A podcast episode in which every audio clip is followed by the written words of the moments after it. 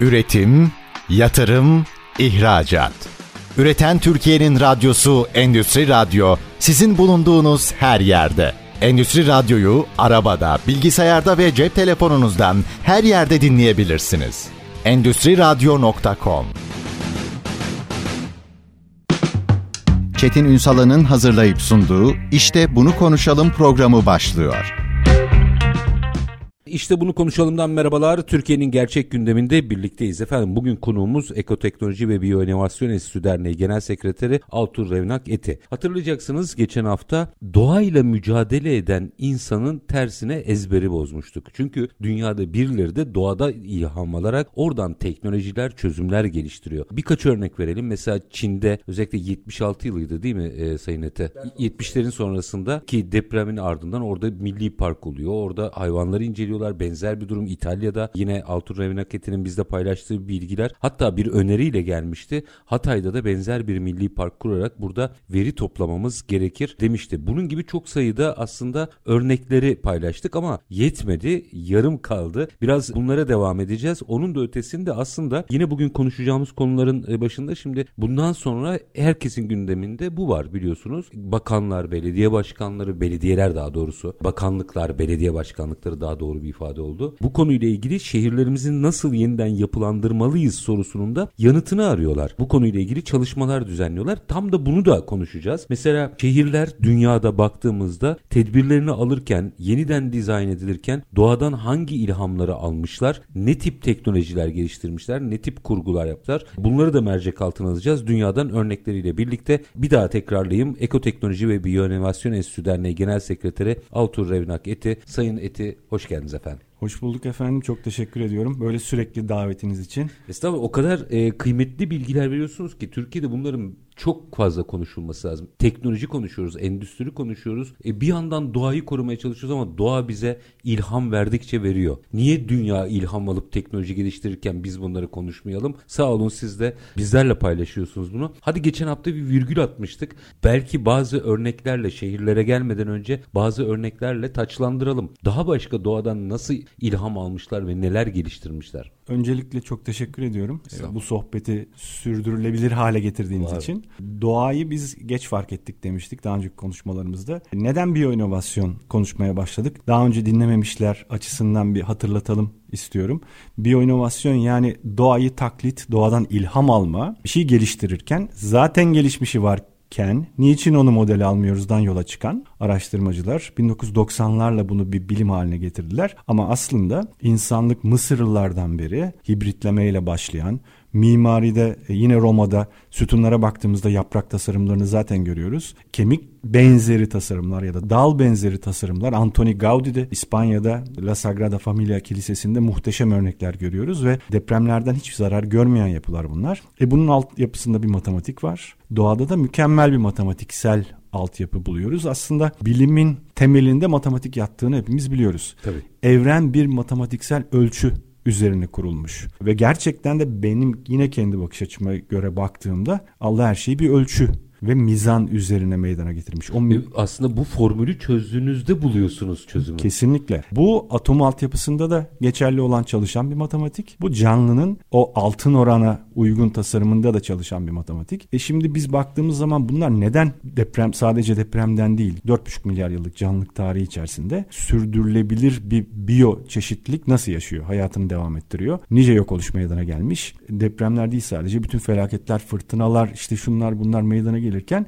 çok büyük kitleler halinde canlılar nasıl rahat yaşıyorlar? Şimdi bazı canlılar etrafımızda gördüğümüz bazı canlılar bireysel gibi aslında olmayan ama e, yaşamları var ama bazıları süreler halinde yaşıyorlar. Kimisi mesela karıncaları örnek vermek gerekirse termitler, karıncalar bazen bir yuva içerisinde 2 milyar tanesi yan yanalar. Ne trafik sorunu yaşıyorlar, ne besin gıda sorunu yaşıyorlar, ne enerji sorunu yaşıyorlar. Sadece bir canlıyı incelemek bile aslında bize binlerce ilham konusu sağlar. Oralarda şehirler var. Yani bir termit yuvası yani çok küçük bir örnek gibi görünür ama bir termit yuvası dikey yapıya sahip yegane canlılardan bir tanesi termittir. Genelde yataydır. Yani yuvalara baktığımız zaman katlı katlı yuvalar görmeyiz. Büyük canlılardı ama geçen hafta böyle bir örnek verirken e, mesela onların da sellerden niye etkilenmediğini soralım kendimize demiştiniz. Hem o var. E, orada bir defa e, karıncaların tünelleri ve yuvalarını yaptıkları e, düzlem içerisinde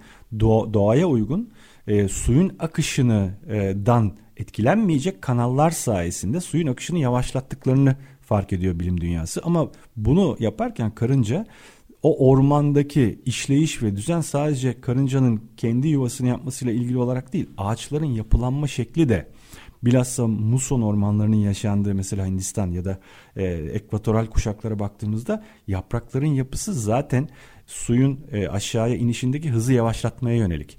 Yani biz bir şehir yaparken e, çok şiddetli yağmur olan yerlerdeki yapıları oradaki geniş yapraklı ormanların bulunduğu yapılardan model olarak geliştirirsek yağmurun düşüş hızı yavaşladığından dolayı en aşağıya inerken daha buharlaşmaya başlayan bir yağmurdan bahsedeceğiz. Dolayısıyla o toprağın e, besin gıdası çok olan kısmını kaldırıp erozyona sebebiyet vermeyecek şekilde yavaşlamış olacak. Karınca yuvası da onun altında zaten en son düşmekte olan artık yağmurun da kanallarda zikzaklar çizerek hızını kaybedeceği şekilde yapıyor yuvalarını. Yani biz ne yapıyoruz? Mesela Hatay'da alüvyon olan yumuşak bir bölgeye koca bir binayı dikmişiz. Şimdi doğa buna müsaade etmiyor. Çünkü o yapıyı biz yaparken madem bir çöle ya da yumuşak yere bir bina yapıyorsun kazını sağlam bağlaman lazım. Orada kazını sağlam çakman lazım. Burada da örnekler dağlardır aslında. Dağın üstte görünen uzunluğunun altında en az 3 katı 4 katı neredeyse içeriye girmiş kazıklar gibi yapılar var. Yani dağ tektonik Temeli yani. katmanların bir yani yan yana gelip çarpıştıklarında bir kısmının aşağı doğru kazık olarak yere çakıldı. Diğer bir kısmının da yukarıya doğru o işte yüksekliğini Gördüğümüz. verdiği kısımdır ki dağlar aslında yani tabi herkesin buna inanmasını beklemem ama bu da bir Kur'an-ı Kerim mucizesidir. Dağların depremleri engellediğini Allah ayetlerde kazık çaktık olarak bildiriyor. E hakikaten bir kazıktır bunlar. E şimdi dağ yapısını gördüğümüzde binayı yaparken niye o temeli ona uygun yapmıyoruz biz? O zaman yumuşak bir yerde yapıyorsak. E örnekleri vardır. Çölde yapılan gökdelenler bugün Dubai'de şurada burada çok uzun kazıklamalar sayesinde o çölün yumuşak yapısı içerisinde e bir de üstünü dal ve ağaca benzer şekilde dengelemeyi yaptığınızda salınan yani depremde salınabilecek olan bir gökdelen ama yıkılmayacak hale geliyor. Dolayısıyla biz doğayı izledikçe oradaki yapıların milyonlarca hatta milyarlarca yıldır nasıl bu kadar sağlıklı bir şekilde o şehirleri onların hepsi birer şehirdir sürdürülebilir halde tuttuklarını anlıyoruz. E, insan vücuduna bakalım bir hücreyi ele alın. E, hücrenin boyutu hakkında fikrimiz var. Hücrenin içini daha hani nano seviyeleri kastettiğimiz mikroskopik e, altyapıyı yeni görmeye daha başladık. keşfedemedik bile. Evet, evet. elektron mikroskoplarıyla bir yere kadar geldik. Mesela daha kuantum seviyesine inemedik. Şu an kuantum biyoloji o şehrin altyapısındaki elektron seviyesindeki işleyiş üzerine çalışıyor. Üstüne çıktığımızda o şehre bir bakıyorsunuz. Yani milimetrenin yüz binde biri kadar bir alandan bahsediyoruz. Onun içerisinde bir şehir var. Aslında bir büyük şehir var. İçerisinde enerji tesisleriyle, içerisinde şeyleriyle, fabrikalarıyla yani Nasıl bir fabrikadan bahsediyoruz? Bir hücrenin içerisinde aşağı yukarı eskiden 100 bin zannederken bugün 2 milyon protein üretildiğini görüyoruz. Yani şöyle düşünün hücreyi bir fabrika olarak düşündüğünüzde aynı fabrika 2 milyon farklı makine üretiyor. Bunların her biri bir robottur proteinler. Her biz biz onu görevi var. 100 bin zannediyorduk. diyorduk. Şimdi 2 milyon. milyon. oldu belki daha da fazla. Belki daha fazla. Şimdi çünkü genlerdeki kodlarla o proteinlerin hani ne şekillerde kombinasyonlarla yazıldıklarını yeni çözmeye başladık. Yani gen açıldıkça onun ürettiği değişik katlanmalar yöntemiyle ürettiği proteinlerin işlevlerini yeni anlamaya başladık. Bir protein var sadece ambalajlıyor. Bir protein var ambalajlana ba- ambalajlanan ürüne barkod takıyor. Başka bir protein o barkodu okuyor. Bildiğiniz posta teşkilatı var hücrenin içerisinde ve başka bir robot da onu gitmesi gereken yere ulaştırıyor özel yollarda. Öyle çalışan robotlar ki bunlar.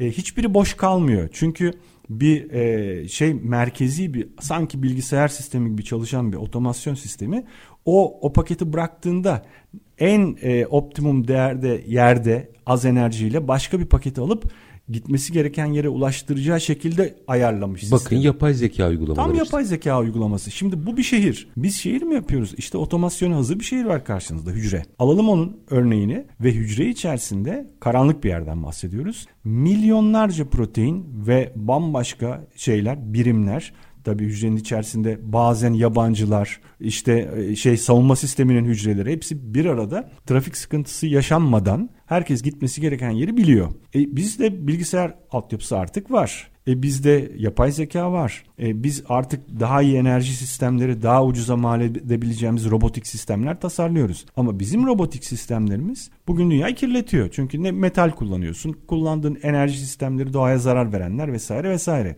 Ama hücrenin içerisindeki bütün robotlar ve makineler şekeri kullanıyor. Ortamdaki enerjiyi kullanıyor.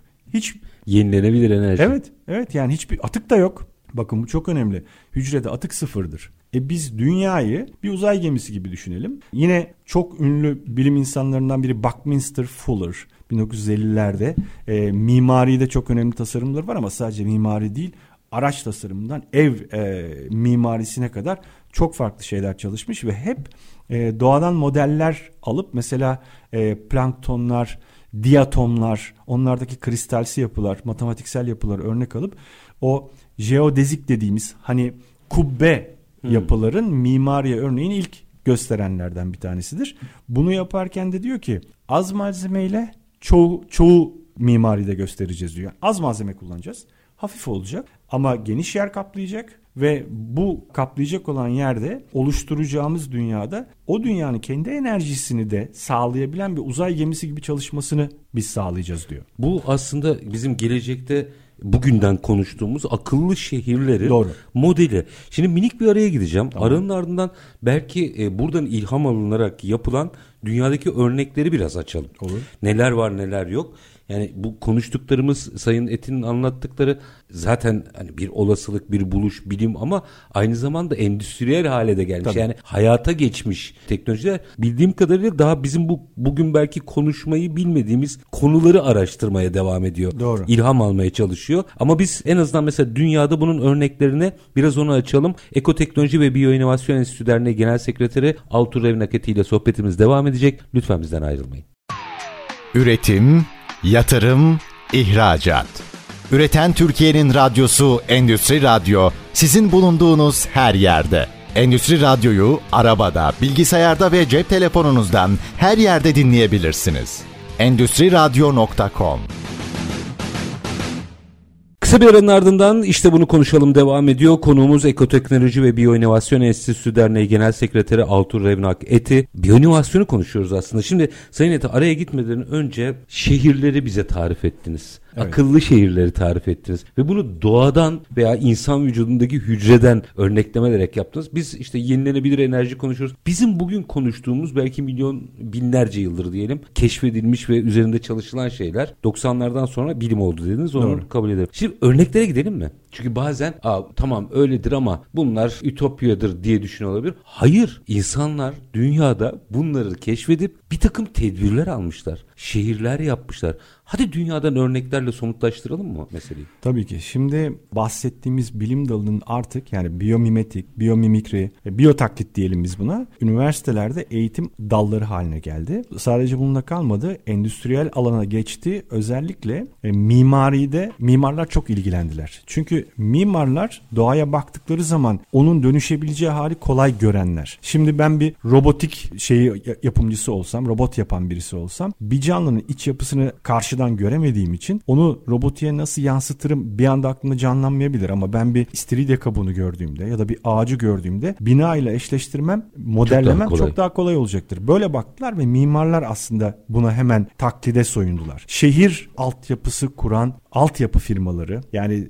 dünyadaki büyük projelerin, şehirlerin yapımında çalışan büyük danışmanlık altyapı firmaları var. Onlar biyomimikri ile ilgili çalışan üniversiteler ve kuruluşlardan danışmanlık almaya başladılar ve birçok patent ortaya çıktı. Bahsettiğimiz konular teorik değil. Artık altındaki malzemesine kadar patentlenmesi çok ciddi hızlanmış bir alandan bahsediyoruz. Bunun bir ekonomisi var. Ya bu aynı zamanda buluşların hızının da yükseldiğini gösteriyor. Ben bilimsel buluşlara bu konularda yetişemiyorum. Her hafta akademik dergileri incelediğimde en az 10-15 tane yeni ilham noktası ve patentini görüyorum. Bu Patente benim konu. Evet, benim görebildiğim kısmı. Mesela biyomimetik konusunda Japonya çok hızlı çalışan, çok detaylı çalışan bir ülke. Japonca yayınlar da genelde kolay tercüme edilemediği için onları takip bile edemiyorsunuz. Ama Japonya'da çok ciddi bir şey var. İvme. Bu konuda bir literatür var yani. İncelemeye kalksanız onlar onu uygulamaya geçmişler bile. Özellikle de depremle alakalı olan çalışmalarda ben hep merak ederdim. Yani Japonlar neden bu kadar hafif evler yapıyorlar?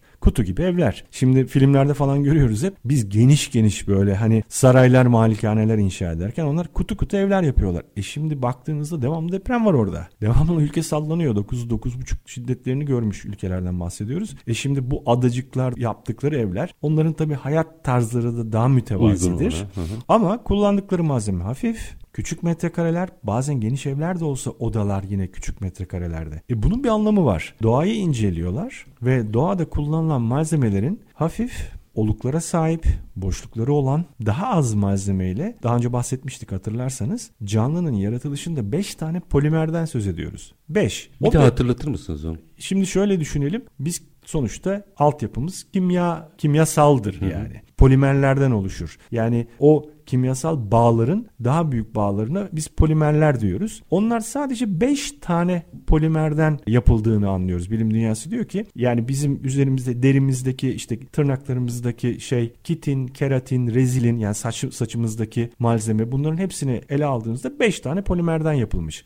O 5 polimer bütün canlılık yani milyarlarca canlının malzemesinin farklı farklı kombinasyonlarını oluşturuyor. Ve 5 polimerin bozulması ve tekrar bunun şeyi dönüşümü çok kolay. Yani sıfır atık bundan meydana geliyor. O doğada öldüğü ya da eskidiği ya da toprağa düştüğü zaman bitki çürüdüğü zaman Doğaya uygun hale geliyor. Doğaya uygun çünkü o bakteriler, onu çözücü olan canlılar onları rahatça yiyebiliyorlar. Ama bizim ürettiklerimiz tam 300 polimerden yapılıyor. Yani bizim malzemelerimiz demir, çelik, şu bu kullandığımız kimyasal zehirler vesaireler falan filan. Yani kimya tablosuna baktığımızda biz hepsini tepe tepe kullanıyoruz. Tamam kullanalım ama doğaya uygun değil çünkü doğadaki dönüşüm dengesi içerisinde onlar çok fazla. Ve çok atık bırakıyor bu sefer. Bu yüzden aslında bugün yaşadığımız sorunları yaşıyoruz. Kesinlikle. Dünya ölçeğinde. E şimdi biz peki malzemeyi arabayı etten kemikten mi yapalım? Hayır. Ama bizim o malzemeyi gördüğümüzde biz arabayı yaparken ya da evi yaparken kullanacağımız malzemeyi yine organik moleküllerin kompozit hale gelmiş halleriyle Ki yapacağız. şimdi kompozitler çok tartışıyor. Evet. Uçaklarda bile yani. Tabii ki. Karbon fiber dediğimiz malzeme, grafen dediğimiz malzeme çok yeni bazı özel malzemeler var. Bozulması da kolay. Doğaya atık da bırakmıyor. Bunların bazılarını örnekte vereceğiz. Biz en çok doğayı bozma konusunda aslında kullandığımız malzeme inşaat malzemesi. O da beton. Şimdi betonun karbon emisyonu yani beton üretirken, çimento üretirken kullandığımız, açığa çıkardığımız karbon dünyadaki neredeyse o kirlenmenin %10'unun mesulü. E peki doğaya bakıyorsunuz. Doğada çimento ve beton var mı? Var. Kalsiyum karbonatı biz mercan resiflerinde buluyoruz. İstiridye kabuklarında buluyoruz. Mercan resifleri gerçekten güzel bir örnek. Çünkü bir defa doğal su sıcaklığında, hava sıcaklığında ve su sıcaklığında aslında e, kalsiyum karbonat üreten bir canlıdan bahsediyoruz. O aldığı mineralleri o şeyi bıraktığı atıkla istif, istifliye istifliye o şeyleri oluşturuyor. Kalıntıları oluşturuyor. Yani o mercan resifleri dediğimiz delikli yapılar ki o deliklerin hiçbirisi başıboş ve şey değil. Hani böyle tesadüfi şekiller değil. Uyumlu, Ve uyumlu ahenkli. matematiksel bir altyapısı var. Dayanıklılıkları, esneklikleri muhteşem. Bir de onlar karbon emiyorlar. Yani doğadaki bozulmayı tersine çeviren özelliklere sahipler. Düşünün ki bir bina yaptık. Bu binada biz doğadan model aldığımız beton üretimini uyguladık. Orada kullandığımız çimento doğaya dost ki bunu yapmaya başlayan firmalar var. Ve aynı zamanda binanın karbonu emdiğini düşünün. Bunu yaptık. Dünya, Yani karbon salınımını bırakıp Değil, karbonu emecek. azaltıyor. Doğadan model aldığımız bazı boya türleri yeni, bazı beton türleri yeni. Bunlar hatta bazı firmalar var isimlerini şu an vermiyorum fakat fabrikalardan çıkan karbon gazını alıyor. Direkt olarak bir şeye aktarıyor, tanka aktarıyor, aktarıyor ve o tankta doğal süreçleri taklit ettiği uygulamalar sonucunda bir kısmından o atığın boya üretiyor, bir kısmından da çimento üretiyor. Ve bu çimento doğaya dost bir çimento oluyor. Daha ucuz maliyetli, aynı zamanda hava kirliliğini azalttığımız bir çözüm oluyor. Bunu yapan en az 10 tane firma var şu an Amerika'da. Ve bunlar yavaş yavaş Seri üretim halinde endüstriyel tabii, tabii, olarak tabii, yapıyorlar. tabii, tabii. Daha pahalı değil. Aynı zamanda bu şeyin çimentonun içerisine karıştıracağımız kullandığımız bazı bakteriler, bazı bakteri türleri uykuda 200 yıl durabiliyor. Bu ne demektir? Peki ne yapacak bu bakteri? Bakteri şunu yapacak. Onarım yapacak çatlakları onarma görevi yapacak. Artık kendini tedavi eden bazı malzemelerimiz var. Kompozit malzemeler kullanmaya başladık. Neyi taklit ettik? Ağacın çatlağını onarmasını taklit ettik. Vücudumuzun yarayı onarma sistemlerini taklit ettik. Bunları inşaatta kullandığımızda Düşünün ki köprülerde, binalarda olan o çatlakların kendini onardığını düşünelim. Şu an yapılmış örnekleri var, çalışıyor. Ve bunlarda kullandığımız bir kısım yöntem bakteriler yoluyla o bakteriler onarım yapıyor. Çatladığı zaman oraya hava girdiği için o havayla uyanıyor bakteri ve biraz da oraya su verirsek ıslatırsak suyla birlikte artık o orada bir şey salgılayarak kimyasal salgılayarak tıkıyor o bölgeyi. Ben tabii hemen işin ekonomisini düşündüm. Tabii. Yani doğa tarafı müthiş bir tasarruf bu. Tabii. tabii. Yani altyapının yapılması ayrı maliyettir, onarımı ayrı maliyettir, bakımı onarımı. Tabii. Kendi kendine onaran bakan sistemlerden ve bunlar uygulanıyor uygulamaya geçmiş geçti, geçti. vaziyette diyorsun. Geçti. Yaygınlaşmasını istiyoruz sadece. Şimdi aslında hani Amerika biraz şöyle bir ülkedir. Bizde kalsıncıdır biraz. Ancak çok para kazanacağını düşündüğü zaman satmaya başlar. Ki bir de bir, bir üst teknolojiyi aynen öyle. Bir süre sonra e, hani bizde nasıl arabalar bize 1950'lerdeki arabalar 70'lerde gelmeye başladı. Yani Amerika kendisi kullanıp zaten o ekonomiyi yönetmeye başladığında dünyaya aktarır. Ama elimizin altında bilim var. E aynı bilimi biz kullanarak çok küçük yaştan itibaren bu bakış açısını verebilsek daha ilk öğretimden itibaren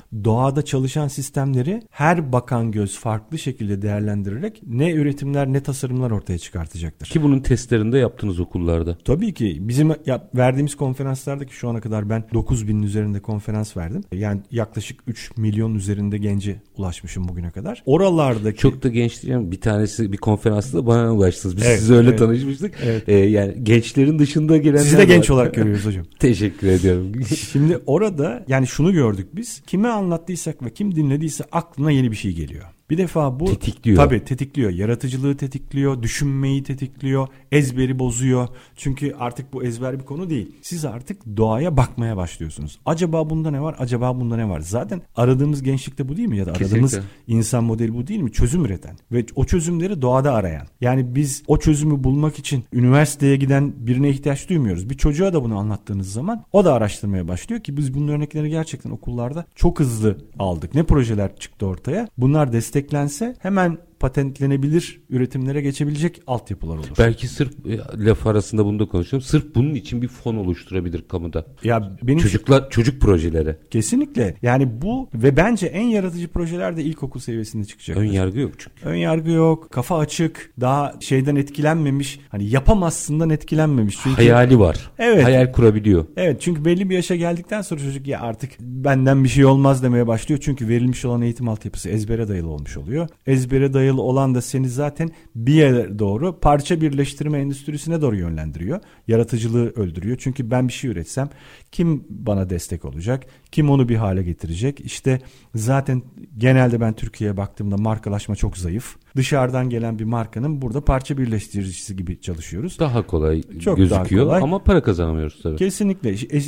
Amerika'da yaratıcı bilim eğitimi biraz daha tabii ki erken yaşta fırsat verecek şekilde başladığı için oradaki çocuklar projeler üretip onları bir yere getirebilecek bir altyapıyı bulabiliyorlar. Parayı da bulabiliyorlar. Yani devletin verdiği desteklerden dolayı. Ama burada yine de elimizin altında doğa var. Bizim doğamız çok güzel.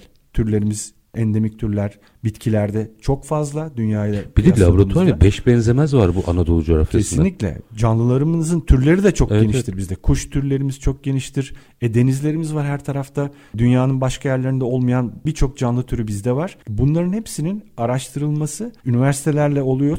Fakat ilkokuldan itibaren o projelerin üniversitelerle işbirliği içerisinde onlara anlatılması, o çocukların da proje geliştirmesinin desteklenmesi gerekiyor. Bu bakış açısı sadece doğayı ilham aldan yola çıkıyor. Çünkü çözümler orada. O çözümleri de merak eden o yaştaki şey çocuklara e, bunlar istenirse oyunlarla anlatılabilir, istenirse masallarla anlatılabilir, istenirse videolarla anlatılabilir. Bunun sonuçları çok hızlı çıktılar olarak görülüyor. Koca bir ülke bin çocuk yeter. 9 bin konferansın içinde bin çocuk vardı muhtemelen. Vardı. Işık veren yani. Tabii. Vardı ki biz, var da. bizim o konferanslarımızdan sonra birçok ilkokul çocuğu konferansçı olarak kendi bölgelerinde okullarda anlatmaya başladılar. Yani çocuklar öyle sahiplendiler ki ben de bunları anlatırım diyen çocuklar kimisi karıncaları bir genci de dinlemiştim öyle yine Tabii, sizin konferansın sizin devamında. konferansın devamında bir liseli öğrencimiz e, de konferansın bir kısmını vermişti. O bir nüve zaten. Yani ben o kadar çok mail aldım ki ailelerden çocuklar geldi evde bize saatlerce sivrisineği anlattı. Saatlerce bize karıncaları anlattı diye. Çünkü sadece sivrisinek bile bir konferans konusudur. Ne inanılmaz özellikleri var. Konumuza tekrar dönersek şehirleri konuşuyorduk ve depremle alakalı ki gündemimiz o. Dünyada bina altyapısı veya şehir altyapısında neler şu ana kadar kullanılmış. Kısa ben bir birkaç örnek vereyim. Şimdi depreme dayanıklı ya da sarsıntıya dayanıklı binalarla alakalı 9-10 tane e, şey kullanılmış. Teknoloji kullanılmış. Bunlardan bir tanesi havada asılı temel denilen Utah Eyalet Meclisi binasında bunu kullanmışlar. Bu şu anda Türkiye'de de basında biraz yer almakta olan bir altyapı. Şimdi çelik plakalar kullanıyorlar. Binanın temeline bazı çelik plakalar ve mesnetler bağlıyorlar. Deprem olduğunda üzerindeki yapıyı hareket ettirmeden havada asılı bir imiş gibi o temelin temelin sallanmasını ama binayı etki etmemesini sağlıyor. Arada bir şey bo- Son dönemde koyuyorlar. konuşulan izolatörler vesaire o tip şeylerden bahsediyoruz. Tamamen o tip bir şey bu. Şimdi kauçuk ve çelik katmanlarla sarılmış katı bir kurşun çekirdek var.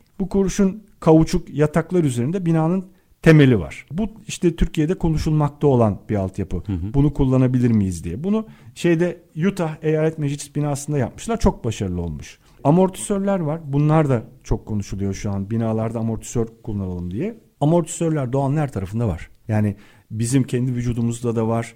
Ağaçlarda da var. Mikro veya nano seviyede var.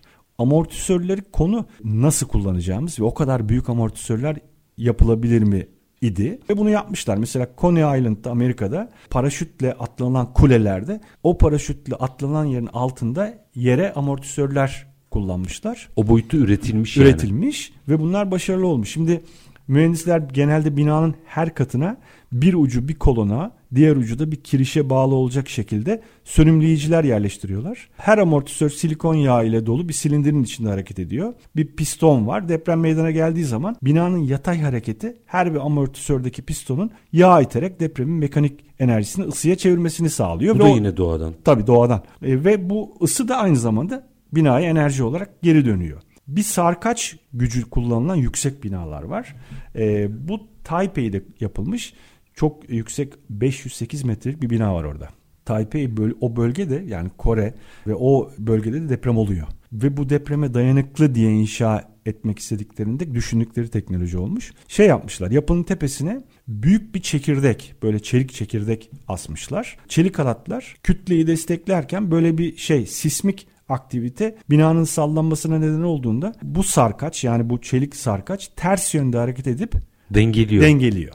Ve Müthiş. 500 metrelik binaya böyle bir sarkaçı koyuyorlar, asıyorlar ve titreşimlerde denemişler de çok çok iyi sonuçlar almışlar. Kore'de durun. Kore'den sonraki örnekle devam edelim. Minik bir araya gideyim. Yarım tamam. kalmasın diğer örnek. Bunların her birinde yine altını çizelim doğadaki işleyişten ilham alarak oluşturulmuş tedbirler bunlar. Doğru. Bulunmuş. Bazılarında tedbir. çok daha fazla detay, ilham var. Yani onları da örneklerini vereceğim. Açalım. Minik bir araya gidelim. Aranın ardından e, Sayın Eti'den e, o devamındaki örnekleri de alacağız. Bu arada Sayın Eti her seferinde aktardığının nerede kullanıldığını da paylaşıyor. Dikkatinizi çekerim. Yani onu bir tane üretmediklerine göre demek ki onu üreten bir fabrika var, bir endüstri var. Yani iş öyle hadi bir ustaya da verdik de bunu yaptı değil. Endüstri haline gelmiş ki Doğru. orada kullanılır hale gelmiş. Ekoteknoloji ve Biyoinovasyon Enstitüsü Derneği Genel Sekreteri Altur Revinaketi ile sohbetimiz devam edecek. Kısa bir ara lütfen bizden ayrılmayın. Üretim, yatırım, ihracat. Üreten Türkiye'nin radyosu Endüstri Radyo sizin bulunduğunuz her yerde. Endüstri Radyo'yu arabada, bilgisayarda ve cep telefonunuzdan her yerde dinleyebilirsiniz. Endüstriradyo.com Kısa bir aranın ardından işte bunu konuşalım demeye devam ediyoruz. Konuğumuz Ekoteknoloji ve Biyoinovasyon Enstitüsü Derneği Genel Sekreteri Altur Revnak Eti. Özellikle şehir tedbir doğa üçgeninde dünyadaki örneklerden gidiyorduk. En son Kore'de bir örnek vermiştik. Evet. Devam edelim. Şimdi şey yine depreme karşı alınan tedbirler içerisinde bir tanesi de sismik görünmezlik pelerini. Yani temellerin kenarına plastikten halkalar yerleştirmeyi düşünmüşler. Niye böyle bir şey düşünmüşler? Şimdi bazı sismologlar plastik eş merkezi dedikleri halkaların binaları deprem hasarlarından korumak için o Rayleigh dalgaları denilen yatay dalgaları keseceğini düşünüyorlar. Fizikçiler bunu düşünüyorlar. Şimdi bunu da deniyorlar. Mühendisler bir binanın temelin altına, temelin altına 100 eşmez, eş merkezli plastik halka belli bir matematiksel yapıda koyuyorlar. Sismik dalgalar yaklaştıkça bir ucundan halkalara giriyorlar. Sistem içinde hapsediliyorlar. Pelerin içine dizilmiş olan dalgalar enerjilerini yukarıdaki yapıya aktarmıyorlar. Basitçe binanın temelinin etrafından geçiyorlar ve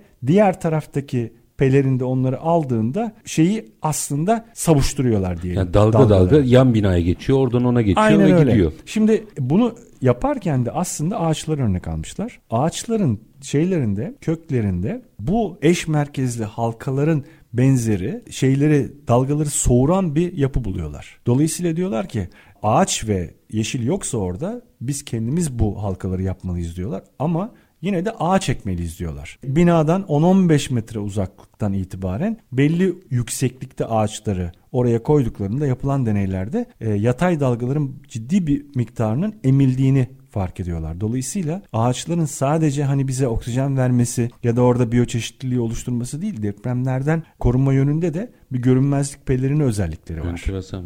Şimdi başka bir yine teknoloji şekil hafızalı alaşımlar. Şekil hafızası ne demek? Aslında plastisite demek. Yani bir şeyi siz büktüğünüzde geri geliyor olması onun plastiksi yapısını gösteriyor ya. Şimdi binalarda kullanmış olduğumuz daha önceki malzemelerin hani beton veya çelik çatlama ve kırılma özelliği o işte plastisite olmadığı için yani şekil hafızası olmadığı için yıkıma yol açıyor. Peki diyorlar ki acaba o plastisiteyi kullanarak bir malzeme geliştirebilir miyiz? Bunu da buluyorlar. Şimdi ağır gerilme dayanabilen, yine orijinal şekline dönebilen şekil hafızalı alaşım artık üretilmeye başlandı. Şimdi ne yapmak istiyorlar? Gelecek vadeden bir alaşım onlara göre çelikten %10 ila 30 daha fazla esneklik oranı sunan bir malzeme olmalı. Bu da neymiş biliyor musunuz? Nikel titanyum, titanyum veya nitinol. Bunların kullanıldığı kompozit malzemeler ciddi anlamda eski haline dönmeye elverişli. Kırılmıyor yani. Kırılmıyor. E, eğilse bile tekrar kendi eski haline belli oranda dönüyor. Dolayısıyla parçalanmayı engelliyor. Hatta o sallanma sonrasında tekrar eski halini korumaya doğru mail ediyor. Hacı yatmaz gibi yani. Aynen öyle. İşte 2012 yılında bir çalışma yapıyorlar. Şey Nevada'da Reno Üniversitesi'nde çelik ve betondan yapılmış köprü kolonlarının sismik performansını nitinol ve betondan yapılmış kolonlarla karşılaştırıyorlar. Şekil hafızalı alaşım tüm seviyelerde geleneksel malzemeden çok çok daha yüksek performans gösteriyor depreme karşı. Bu da bir koruma yöntemi ve doğada bütün malzemelerde zaten kendini tedavi etme ya da tekrar eski haline dönmeye elverişli bir zaten altyapı var. Malzeme. Temelde zaten malzeme bilimi. Evet. Ciddi çalışıyorlar buna. Ve gerçekten e, tabii bizim biyoloji bilgimiz arttıkça canlıdaki malzemenin iç yapısını da anlayıp ya orada ne kimyasal kullanılmış, kullanılmış dolayısıyla bundaki kimyasal bileşimleri taklit edelimden yola çıktılar. Bundan dolayı da biyomimetik e, endüstrisi dediğimiz alanın en çok buluş yapan kısmı aslında bir kimya İki dön- şey e, atık değerlendirme. Hmm. Çünkü dünyaya en büyük zararlar bunlardan geliyor. Bir kimyadan olan dönüştürülememe. Bir de atığın dünyaya verdiği zarar. Önce bunu çözmemiz lazım Ki diyorlar. doğa atık atığını kendi içinde absorbe edebiliyor. Aynen öyle. Bir Gözümde. de enerji. Ondan sonra da enerji kısmı geliyor. Çünkü dünyada en çok para harcadığımız konu ve dünyada hep fosil yakıtlar üstüne kurulu bir altyapımız olduğu için ama doğa fosil yapı üstüne kurulu değil. Elektrik kullanıyor ve şeker kullanıyor. O yüzden de savaşmıyor zaten. O kesinlikle. ya doğada bir savaş hakikaten yok. Bu bunu bir anlamamız Ahenk çok önemli. Var. Ahenk var, birlikte çalışma var paylaşma var. Öyle olduğunda hiçbir besin bitmiyor, enerji bitmiyor. O paylaşım devam ediyor. Oradan yola çıkarak hemen daha önce konuştuğumuz bir konu olan mantar mycelium mantarını düşünelim. Ormanların çoğunun altında var bunlar altyapısında. Her canlıyı birbiriyle çalıştırıyor. paylaşıyor. Kendisi oradan kendi payını alıyor. Sensör demiştiniz değil mi mantarlara? O Yanlış mı, e, mycelium mantarının özelliği şu internet kullanıyor. İnternet kullanıyor ve altyapıda kablolama ile bütün ağaçları birbirine bağlıyor. Bütün bitkileri birbirine bağlıyor. Onları birbiriyle konuşturuyor. Onların ihtiyaçlarını öğrenip o ihtiyaçları da kablolar yoluyla taşıyor. Yani düşünün ki sizin bir internetiniz var. Biz bilgiyi taşıyoruz evet. Ama o bilgiden çikolata taşıyor muyuz? Taşıyamıyoruz. O besin de taşıyor. Şeker de taşıyor. Şeker de taşıyor. Yani bir bitkinin bir şeye ihtiyacı var. Şu kimyasal lazım bana diyor. Ya da bir bitki saldırıya uğramış. Belli bir zehire ihtiyacı var. Kendini ona karşı koruyacak. Neye karşı? İşte geyikler gelmiş. Yapraklarını yiyorlar. O yaprakları bazı bitkiler öyle ekşitirler ki yenmeye başladığında çünkü ilk ısırığı asırı attığı zaman o şey geyik Yiyemezse. Ondaki Tabii. salgı, ondaki salgı oradaki bir savunma sistemini tetikliyor ve hemen kendini ekşitmeye başlıyor. Neyle ekşitiyor? Biz belli kimyasallarla. O kimyasallar kendinde yoksa başka ağaçlardan onları talep ediyor. Müthiş bir şey. Talep ederken de kimden istiyor bunu? İşte mycelium mantarından. Mantar o isteğin kimyasalını algılıyor. Çünkü benim buna ihtiyacım var yayını yapıyor. O yayını o mantarı aldığında etrafa yayın yapıyor bana şu lazım diye. Hemen oradan o bilgiyi alan, o molekülü alan başka bir şey ağaç cevap veriyor bende var diye. Onu yönlendiriyor. Tedarik zinciri yani. Tam bir tedarik zinciri, süper otomasyon, akıllı bir sistem çalışıyor ve bunu yapan canlılarda da beyin yok. Bir de işte enteresan taraf bu. Yani çok küçük basit sinir basit diyebileceğimiz ki basit olmayan karmaşık sistemler bunlar. Ama bizim için şu örnek var. Biz bir şehir kurmuşuz. O şehirde bütün ihtiyaçların neler olduğunu anlayabileceğimiz bir şey. Bilgi ağı ve onları ulaştırabilecek de bir ulaşım ağı kurmamız gerekiyor. İşte mantarlar burada bize onu İlham çok güzel ilhamı. Ve bu mantarları daha biz bu keşfedeli 5 yıl olmadı. Yani dünya bunları daha yeni çalışıyor. İnternet bizim için çok yeni. Bu mycelium mantarı dünyada 2,5 milyar yıldır var ve bu sistemi kullanıyor. Yani biz çok geriyiz onlara karşı, onlarla kıyaslandığımız zaman. Daha fark edeceğimiz çok şey var. Daha kurcalama yani kazımak gerekiyor. Madencilik yapmak gerekiyor. Şimdi biyomalzemeler var mesela. Depreme dayanıklı biz bir altyapı mı kuracağız? Biyomalzemeler buradaki en geniş araştırma konusunu tutuyor. Şimdi ve mühendisler şunlara bakıyorlar. Biz hangi canlıdan örnek alarak binalarımızda malzeme kullanalım ki hafif olsun, az enerjiye ihtiyaç duyursun, ısıtmasında, soğu- soğutmada vesaire. Kolay yapılsın, kolay dönüştürülebilsin. Yani biz bugün evde kullandığımız betonu kırıp yeniden beton yapamıyoruz yani. Onlar görüyoruz işte depremden arta kalan Aynen. nasıl, nereye atacağımızı Ne bilmiyoruz. yapılacak, ne olacak diye konuşuyoruz. Konuşuyoruz ama doğadaki biyomalzemeler dönüştürülmeye uygun altyapıda oldukları için onlardan hangisini örnek alanından yola çıkarak bakıyorlar. Bir defa en dayanıklı ve hafif olan malzemelerden bir tanesi midyeler, deniz kestaneleri. E, deniz kestanesi 3000 metre, 4000 metre dipteki basıncı kaldırıyor. Çok esnek yapıda, acayip hareketli. Ondan sonra ve işte dedik ya o hani kubbe yapı deliklere sahip. E, Bunların hepsinin bir anlamı var matematiksel olarak. Onun işte malzemesinden model alarak yeni tuğlalar, yeni beton yapıları hafif delikli. O deliklerin de belli bir tabi matematiği var. Bunları kullanma üzerine çalışıyorlar. Bir de kartonsu malzemeler. Niye karton? Hani bizim karton deyince tabii aklımıza kendi kağıt kartonlarımız gelmesin. Kartonun alaşımı, içeriği, olukları bunların hepsi önemli. Hangi canlıyı model alalım mesela? Ağaç kakan. Ağaç kakan dediğimiz canlı günde 12 bin 13 bin vuruş yapıyor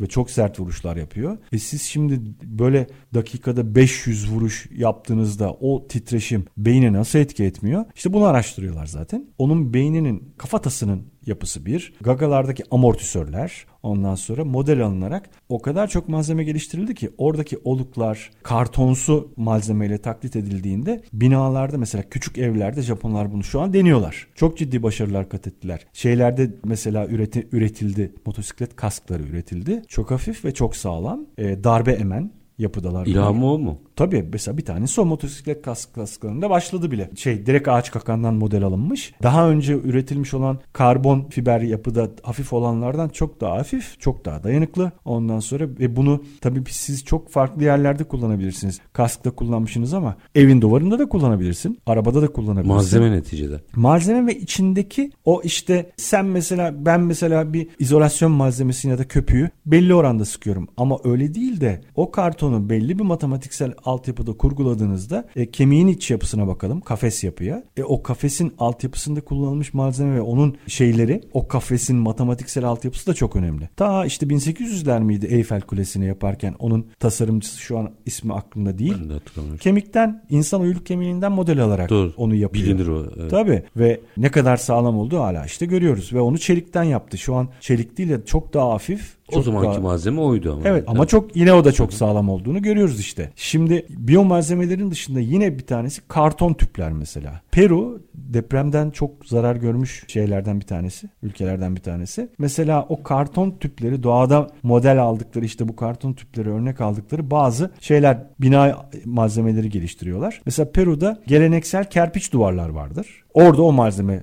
yani çamur kullanılarak yapılıyor. Ama kerpiçi plastik ağ ile güçlendiriyorlar. İçine plastik ağ lifler koyuyorlar yani. Nereden model alıyor mesela? Midyenin kayaya bağlanma liflerinden örnek alıyor. O liflerin bazıları yani uzantıların bazıları çok esnek bazıları çok sert. Dalganın o şiddetine dayanabilen bir midye şeyi malzemesi su içerisinde çok sağlam bir malzemedir diyorlar. Mesela lif yapıları kerpiç duvarları güçlendirmek için kullanmışlar. Hindistan yine depremlerin çok zarar verdiği ülkelerden bir tanesi. Onlar da betonu güçlendirmek için bambu liflerini kullanıyorlar. Orada da bambu çok. Yani doğal altyapıda ne varsa Elindeki malzeme evet neyse. evet ondan faydalanıyorlar. Ki bunda biz çok şanslıyız. Çok malzeme var. Çok çeşitli malzememiz var bizim. Yani Anadolu'da kullanabileceğimiz çok malzeme var. Japon mimarlar mesela daha çok karton tüpler kullanıyorlar. Onların kendi ellerinin altındaki işte şey lifleri, bazı ağaç lifleri karton yapımında kullandırtılabiliyor. Yine mantar çok önemli bir malzeme. Bu mycelium mantarının da yeni bir şeyi buluş olarak patenti de onun atığının sıkıştırılarak plastiksi bir malzeme üretilmesi. Bunu ambalaj teknolojisi sanayi kullanmaya başladı. Yeni plastikler olarak kullanılmaya başlandı ki plastik dünyamızı en kirleten malzemelerden bir tanesi. İşte şey petrol yan malzemesi olarak kullanıyoruz. Atığı çok fazla. E, doğada bozulması bin yılı falan alıyor. E, plastiği peki ne kullanalım da plastik kullanmayalım dediğinizde mantar. Mantarın üretimi çok kolay. Mantardan plastiği üretme sadece sıkıştırmaya dayalı ve o sıkıştırdığınız malzemeye yine bazı mısır atığı kullanabiliyorsunuz. Buğday atığı kullanabiliyorsunuz. Mısır koçanı kullanabiliyorsunuz. Daha da sert hale getiriyorsunuz ve çok hafif. Bu arada o yiyecek türünü de geri dönüştürüyorsunuz aslında. Tabii zaten bu bunlar hep onların atıklarından yapılan sıkıştırma malzemeler. Biz nasıl şu an talaşı kullanarak tekrar işte suntalan vesaire elde ediyoruz. Mantar da bu konuda çok ciddi bir şeydir bizim için. Mukavim oluyor mu veya İnanılmaz sağlam. Yani şu anki bizim plastiklerimizden hiçbir farkı yok. E bizim hani kağıt tabaklarımız var ya köpük. O köpüğü biz bugün mantardan üretebiliyoruz. Bizden kastım Amerika'da bazı dünyadan bahsediyoruz. bazı firmalar şu an üretiyorlar. Yine plastikte alternatif kullanabileceğimiz malzemelerden denizde yaşayan bütün canlılar, karidesler, ondan sonra bazı deniz böcekleri, bunların kabukları, onların mesela biz içini kullanmışız ama kabuklar atık olmuş, çöpe gitmiş. Yengeçleri kastediyorum veya işte hani denizde yaşayan kabuklu canlılar. Siz bunların kabuklarından sıkıştırarak yeni plastikler elde edebiliyorsunuz. Alınmış patentler var. Hepsi doğaya dost. Yine virgül atacağım. Görüyorsunuz süre yetmiyor ama e, burada belki son olarak bir daha şuna atıfta bulunalım. Bütün bunlar için bir böyle bakabilen tabii ki şeyi geçtim insana geçtim yani buradaki nitelikli insan gücünü yetiştirmemiz gerekiyor. O da Doğru. çocuklardan e, yola çıkalım. Onlar büyüyecekler. Ama bu mantalitede bir endüstriyel anlayışla üniversiteler galiba bizim için üniversite olabilir, enstitü olabilir. O yapıya göre değişir. Bizim için olmazsa olmaz galiba değil mi? Şimdi şu an artık bir fırsat var. Hani depremi çok konuştuğumuz için söylüyorum. Bizim yeni şehirler kurmamız gerekiyor. İstanbul'un işte bir buçuk milyon nüfusu kuzeye alınacak. E şimdi bu yeni şehirleri kurarken hazır sıfırız. Sıfır kilometreden bir şehir tasarlıyoruz. Bizim bugün doğayı taklit mühendisliği ile ilgili çalışmış olan dünyadaki ünlü bazı mimari firmalarından danışmanlık almamız çok güzel olur. Bizim de yine biyomühendislikle alakalı çalışan birçok akademisyenimiz var. Onları da katmamız lazım bu şehir altyapısını kurarken. Bir kere yatay büyüme hazır politikacılarımız da yatay büyüyelim demeye başladılar. Ne kadar güzel. Bunu yaparken de doğadan bazı modelleri içine koyalım. Yani elektrik şeyin enerjisini kendi üreten atığını kendi çeviren yani o hani kapalı sistem içerisinde döngüsel ekonomiyi de kurgulayabileceğimiz şehirler kuralım. Laboratuvar haline dönüşsün. Sonra onu yaygınlaştıralım. Laboratuvar haline dönüşsün ve yeşili de bozmayacak şekilde planlayalım ki çünkü onun bize sadece hava temizleme faydası değil depremlerden de korunma faydası olduğunu. Ağaç örneği güzeldi. Evet anlıyoruz. Bunu yaparken hazır fırsatımız var. Altyapıyı güzel kurgulayalım. Bunlar yılları alacak şeyler değil. Zaten dünyada yapılmış örnekleri var. Bunu yapan bazı altyapı kuran şehirler de Hindistan'da işte yok Peru'da, Çin'de hani bizden daha modern değiller. Bunu da biz yapabiliriz. Buna gücümüz yeter. Sadece onun danışmanlığını alalım. Bari doğaya dost şehirler kurmada öncülük yapalım. Konuşmaya devam edeceğiz. Öyle gözüküyor. yani yine virgül attık. Tabii sizin programınızın uygun olduğu sürece e, sizi ağırlamak keyif bakış açımızı kırıyorsunuz en önemlisi. Ben eminim ki bugün endüstriden de bizi dinleyenler farklı bakış açılarıyla artık meselelere yeltenecekler. Özellikle malzeme geliştiricilerin Doğru. çok farklı bakması gereken bir süreçteyiz. Bir de 90'lar diyorsunuz yani çok eski de değil. Fırsat değil. kaçmış değil yani. Değil evet. Bugün bir şeyleri yaparsak işin rengini değiştirebiliriz. Yani eskiden 90'lardan e, öncesinde yine ilham vardı evet ama nasıl olduğunu ve sistemin nasıl işlediğini görmüyorduk. Şimdi görüyoruz. Belki biraz daha ilerleyen dönem içerisinde içerisinde bilişim teknolojilerimiz gelişeceği için onun otomasyonunu bir de doğaya dost hale getirme üzerine çalışırız. Çünkü evet üretiyoruz ama çok da atık bırakıyoruz. Atık bırakmadan nasıl robotik altyapı kurarız mesela? Bunları konuşalım. Müthişsiniz. Ekoteknoloji ve Biyoinovasyon Enstitüsü Derneği Genel Sekreteri Altur Revinak Eti çok teşekkür ediyorum. Ben teşekkür ediyorum efendim. Tekrar görüşmek üzere. Görüşmek üzere. Efendim biz bugün işte bunu konuşalıma sürdürdük. Buradan böyle yayında da böyle biraz emrivaki gibi Sayın Eti'den de sözünü aldım ama kendi programı uygun olduğu sürece sizlerle buluşturmaya devam edeceğiz. Çünkü aslında bir sanayinin, bir bu tarım için de geçerli. Yani daha doğrusu ekonominin dönüşebilmesi için dünya bunu tartışıyor. Doğayı doğru okuyor. Oradan hem patent hem teknolojiler ama hepsi doğaya uygun bir biçimde çıkıyor ve Sayın Etin'in çok net altın çizdiği bir şey var. Bu trend daha yeni yeni gidiyor. Bugün doğru işleri yaparsak birdenbire biz de bu işin aktörü olmaya başlayabiliriz. Her zamanki gibi bitirelim. İşinizi konuşun, işinizle konuşun. Sonra gelin işte bunu konuşalım. Hoşçakalın efendim.